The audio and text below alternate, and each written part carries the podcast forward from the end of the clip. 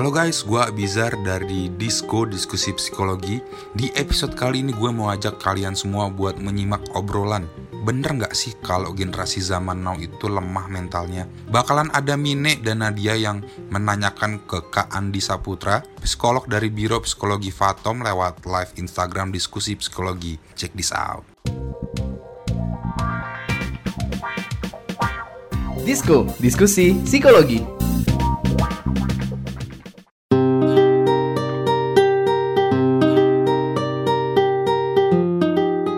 Sambil kita tunggu warriors yang lain untuk join aku mau sapa-sapa dulu warriors yang udah datang nih. Ini orang-orang pertama gitu ya.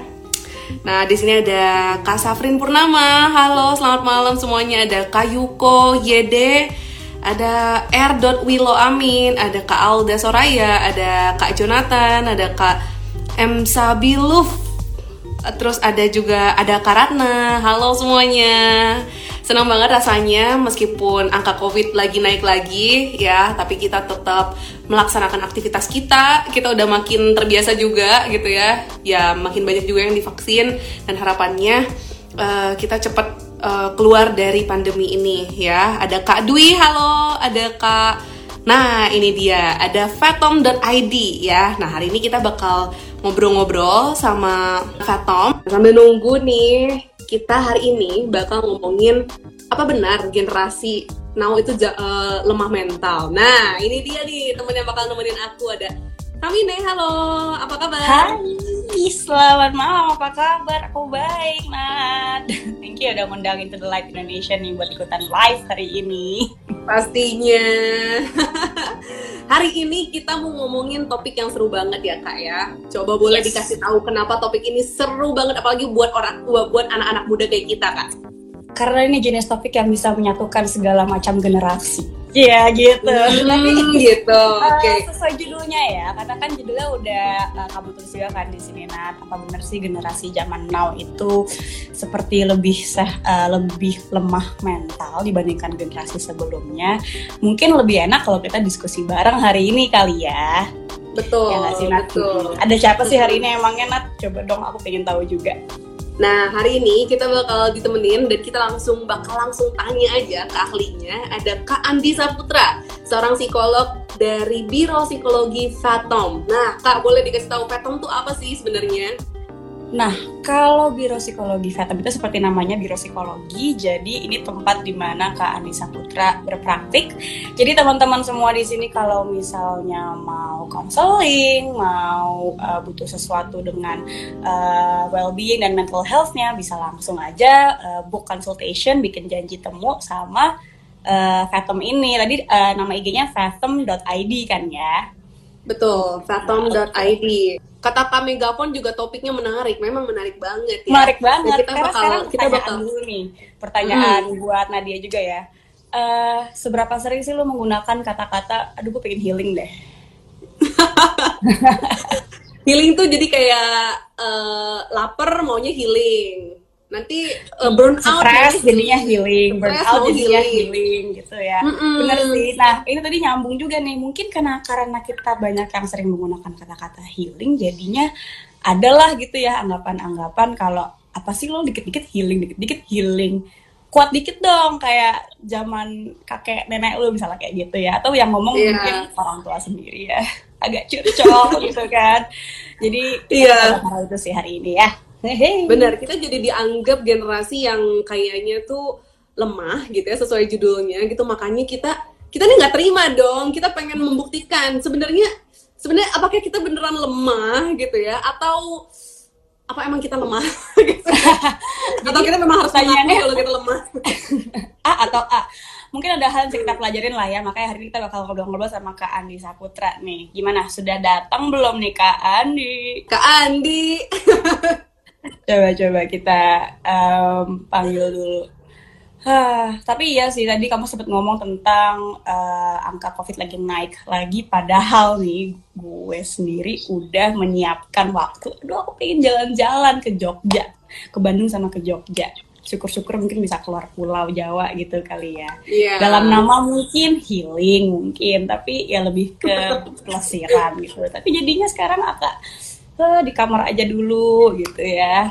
Nah, wow. Halo Kandi. Selamat Halo. malam Kak Andi. Malam. Boleh disapa-sapa dulu nih Warriors yang udah join di sini. Hai guys. Perkenalkan nama saya Andi. Saya adalah psikolog dari Fatom. Thank you Kak Oke. Andi udah menyediakan waktu buat join sesuai judulnya ya kita bakalan ngobrol-ngobrol santai aja tentang eh, pertanyaan yang membuat kita semua bikin mikir. Paling enggak generasi yang sekarang jadi kayak reflektif gitu. Apakah iya kami datang dalam kondisi yang lemah mental gitu ya? Nah, eh, mungkin lemah mental ini tuh gara-gara banyak yang ngecap gitu ya. Kita nggak usah sebut nama lah, kita nggak usah menunjuk siapa yang ngecap gitulah ya. Tapi ada fenomena ini ada gitu kan ya Nat dan Kak Andi. Betul. mungkin karena kita eh, anak-anak generasi muda itu ya lebih vokal kalau misalnya lagi ngeluh gitu ya apalagi ada sosmed gitu kan terus eh, tadi tuh captionnya lagi healing gitu kan bikin-bikin video konten healing gitu nah kalau menurut Kak Andi kenapa sih Kak banyak generasi milenial generasi eh, Gen Z yang dicap lemah mental karena tadi dua hal ya mungkin ngeluh dan juga pengen healing Hmm. Iya.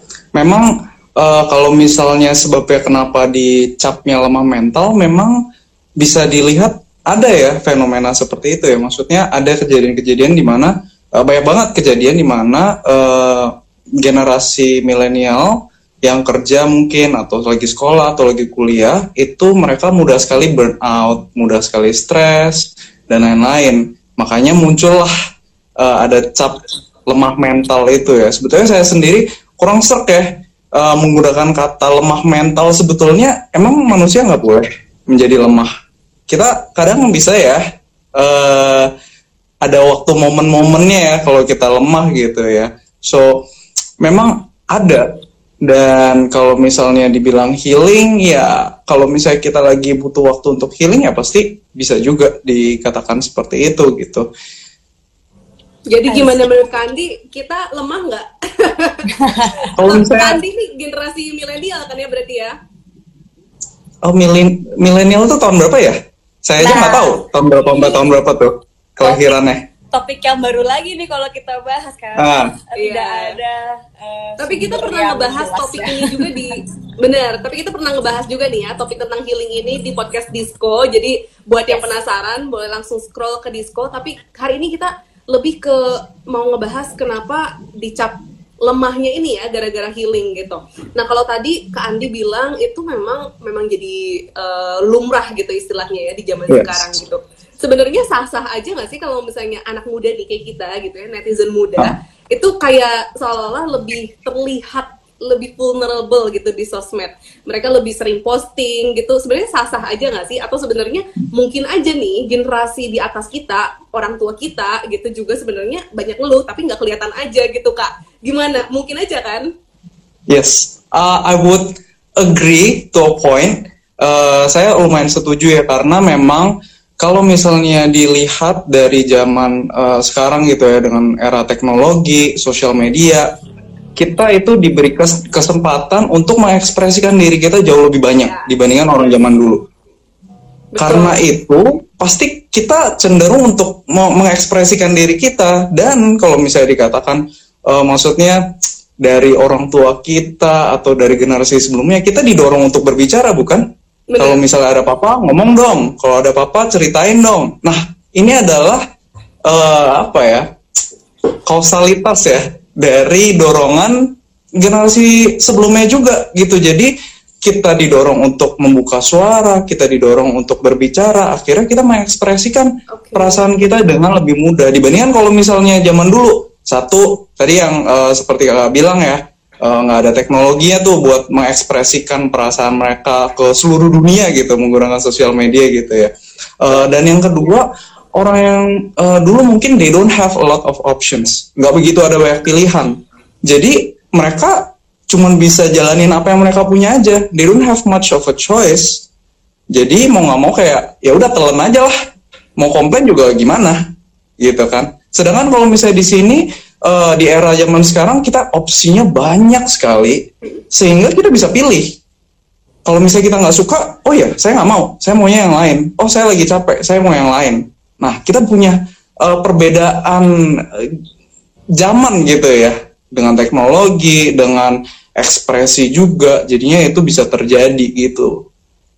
Ya setuju banget. Jadi nggak cuman ketika kita ngomongin adanya beda generasi ya dunia di sekitar kita pun juga sebenarnya ikut bertumbuh juga gitu ya. Benar. dan dan sebenarnya bukan berarti yang generasi yang sudah uh, lebih tua dari kita kita ini jadi nggak up to date. Ada sih yang enggak tapi ada juga yang iya gitu kan. Karena semua Yeah. kita semua tuh bisa punya kesempatan untuk berkembang dan belajar. Nah um, Kandi tadi aku notes ketika Kandi bilang sebenarnya nggak setuju sih kalau mau dibilang lemah mental. Uh, maybe it sounds harsh gitu ya Uh, kedengarannya kayak Yeah. memang kita nggak boleh pakai sebagai manusia aja deh terlepas generasi A B C sampai Z sampai milenial itu eh, apa pun labelnya tuh jadi orang yang lemah aja gitu kan ya. Eh, aku Iya. setuju banget juga sih dengan eh, statement itu. Tapi jadi penasaran sih Kandi, kalau gitu apa sih yang dikategorikan dengan lemah mental by definition itu sendiri? sebetulnya kalau by definition there's nggak ada official definition ya uh, dari dunia ilmu psikologi gitu. I've never heard of an official definition. Kalau misalnya ada, mungkin bisa uh, DM saya atau komen di bawah gitu biar bisa saya tahu ya, bisa saya cari tahu nanti.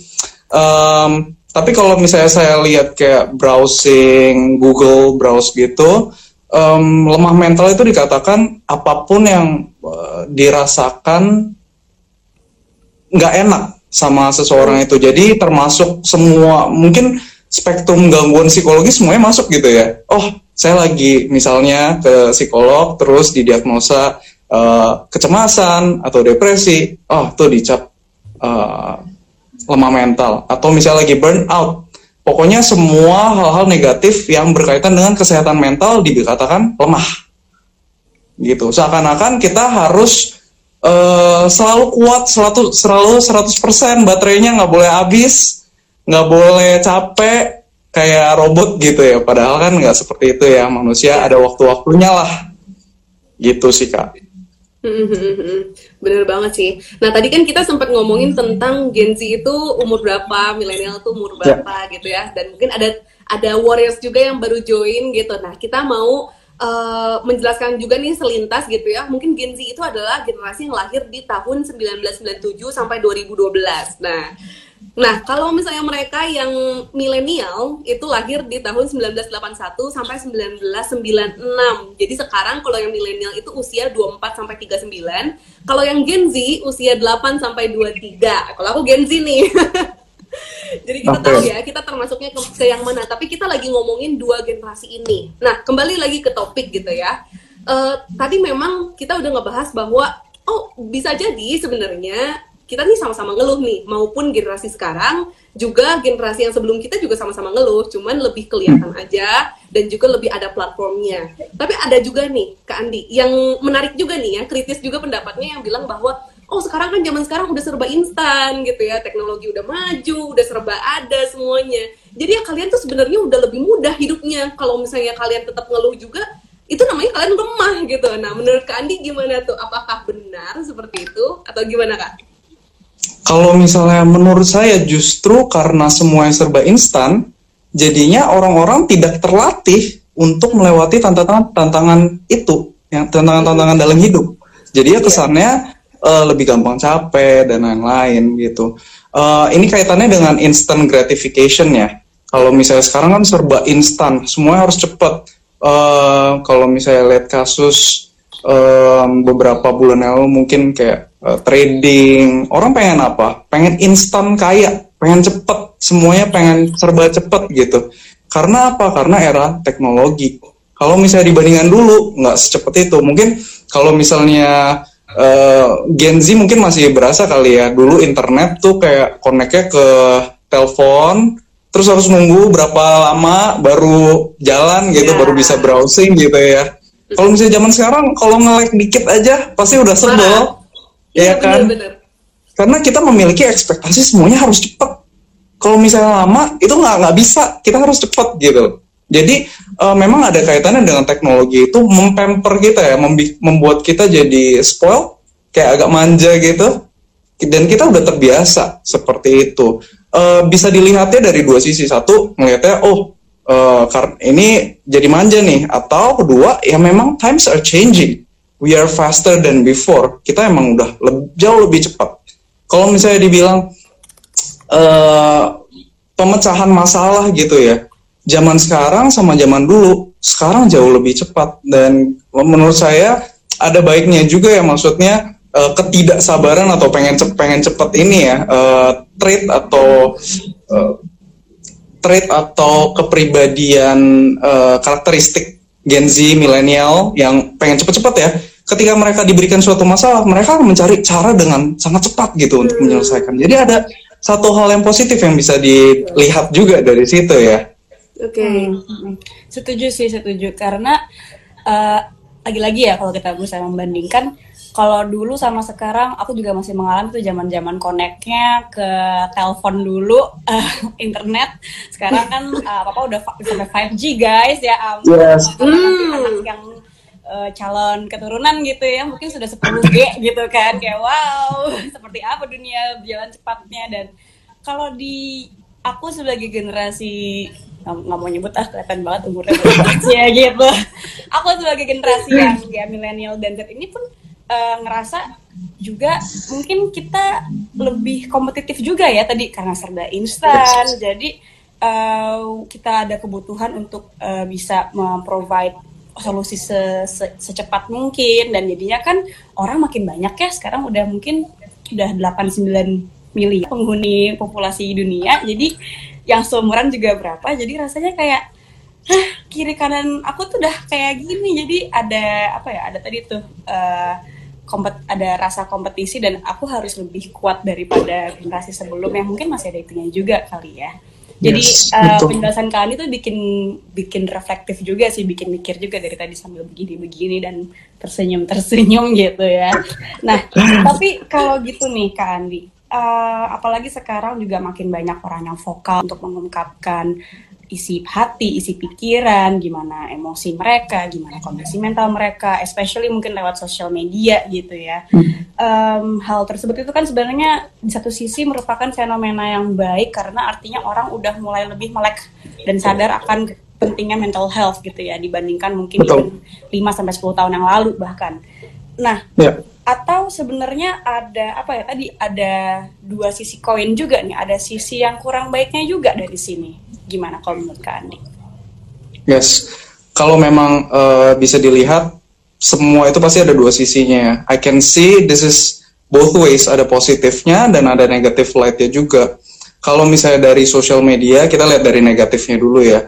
Um, kita cenderung comparing ourselves dengan orang lain dengan teman-teman kita aja deh yang kita follow gitu ya. Kita lihat storynya atau postnya oh dia lagi ngapain. Dan healing itu juga mungkin ada uh, menu sesan uh, apa kesan menularnya gitu ya. Jadi kita ngeliat oh dia lagi healing nih ke Bali nih.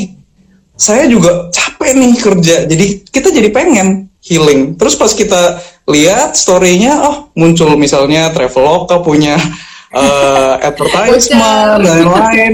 Itu jadi memicu kita untuk oh pengen deh gitu. Uh, itu bisa dilihat dari negatifnya. Jadi kita mudah terpengaruh ya. Uh, selain itu kalau misalnya kita lihat kita juga jadi membandingkan diri kita sendiri dengan orang lain. Padahal yang kita harus bandingkan adalah diri kita sendiri. Dengan hari yang ini sama kemarin sama yang hari sebelumnya are we getting better each day bukan dengan orang lain karena mereka punya hidupnya sendiri. Dan kalau misalnya melihat dari sosial media mereka pasti uh, post yang baik-baik gitu yang bagus-bagus. Uh, itu jadinya bikin kita jadi kayak lelah ya terstimulasi uh, secara digital ya. Jadinya kita burn out gitu kalau misalnya dari sisi negatifnya. Tapi kalau misalnya dari sisi positifnya tentu sebagai psikolog, saya akan mengatakan mengekspresikan diri itu sangat baik, gitu. Mungkin dari da, dari dulu orang yang generasi yang sebelumnya mereka cenderung untuk memendam, jadinya banyak terjadi hal yang tidak diinginkan, misalnya kayak ada gangguan-gangguan, uh, keluarganya jadi berantakan mungkin, yang kalau bisa di uh, lebih cepat di solve gitu ketika mereka mengekspresikan diri itu bisa lebih cepat diselesaikan gitu. Walaupun mungkin sosial media bukan platform yang tepat ya untuk mengekspresikan diri. So kalau misalnya kamu ada perasaan yang nggak enak mau mengekspresikan diri silahkan ke professional health gitu ke profesional profesional untuk bisa ditangani. Nah kalau misalnya positifnya sih seperti itu ya uh, saya lihatnya emang bagus gitu untuk bisa berani lah mengekspresikan diri. Kalau zaman dulu mah kayaknya enggak sih. Yes, betul betul. Nah, masih bakal berlanjut obrolannya tapi kita sambung di episode mendatang ya. Bakal dibahas juga kok pendapat-pendapat netizen soal tudingan lemah mental generasi zaman now. Terus pantengin Disco ya guys. See you. Disco, diskusi psikologi.